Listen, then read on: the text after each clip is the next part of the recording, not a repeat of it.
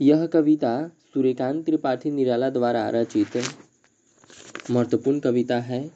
कविता का शीर्षक है तोड़ती पत्थर। अपनी समय की सबसे बहुप्रचारित कविता और आज भी इस कविता की बहुत ही अधिक प्रासंगिकता है। तो आइए हम इसका वाचन करते हैं, तोड़ती पत्थर। तोड़ती पत्थर।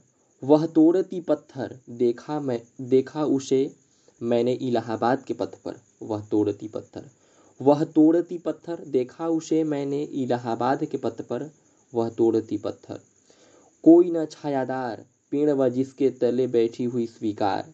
श्याम तन भर बंधा यौवन, नत नयन प्रिय कम रत मन। गुरु हथौड़ा हाथ, करती बार बार प्रहार। सामने तरु मालिका, अट्टालिका प्राकार। चढ़ रही थी धूप, गर्मियों के दिन, दीवा का तमतमाता रूप। उठी झुल, उठी झुलसाती हुई लू, रुई ज्यों जलती हुई भू।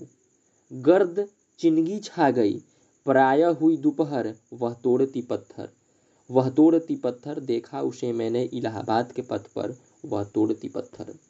देखते देखा मुझे तो एक बार, उस भवन की ओर देखा छिन्न तार। देख कर कोई नहीं, देखा मुझे उस दृष्टि से, जो मार खा रोई नहीं। सजा सहज सितार। सुनी मैंने वह नहीं जो सुनी थी झंकार। एक क्षण के बाद वह कापी सुघर। ढुलक माथे से गिरे सीकर। लीन होते कर्म में फिर ज्यो कहा, मैं तोड़ती पत्थर। वह तोड़ती पत्थर देखा मैंने उसे इलाहाबाद के पथ पर।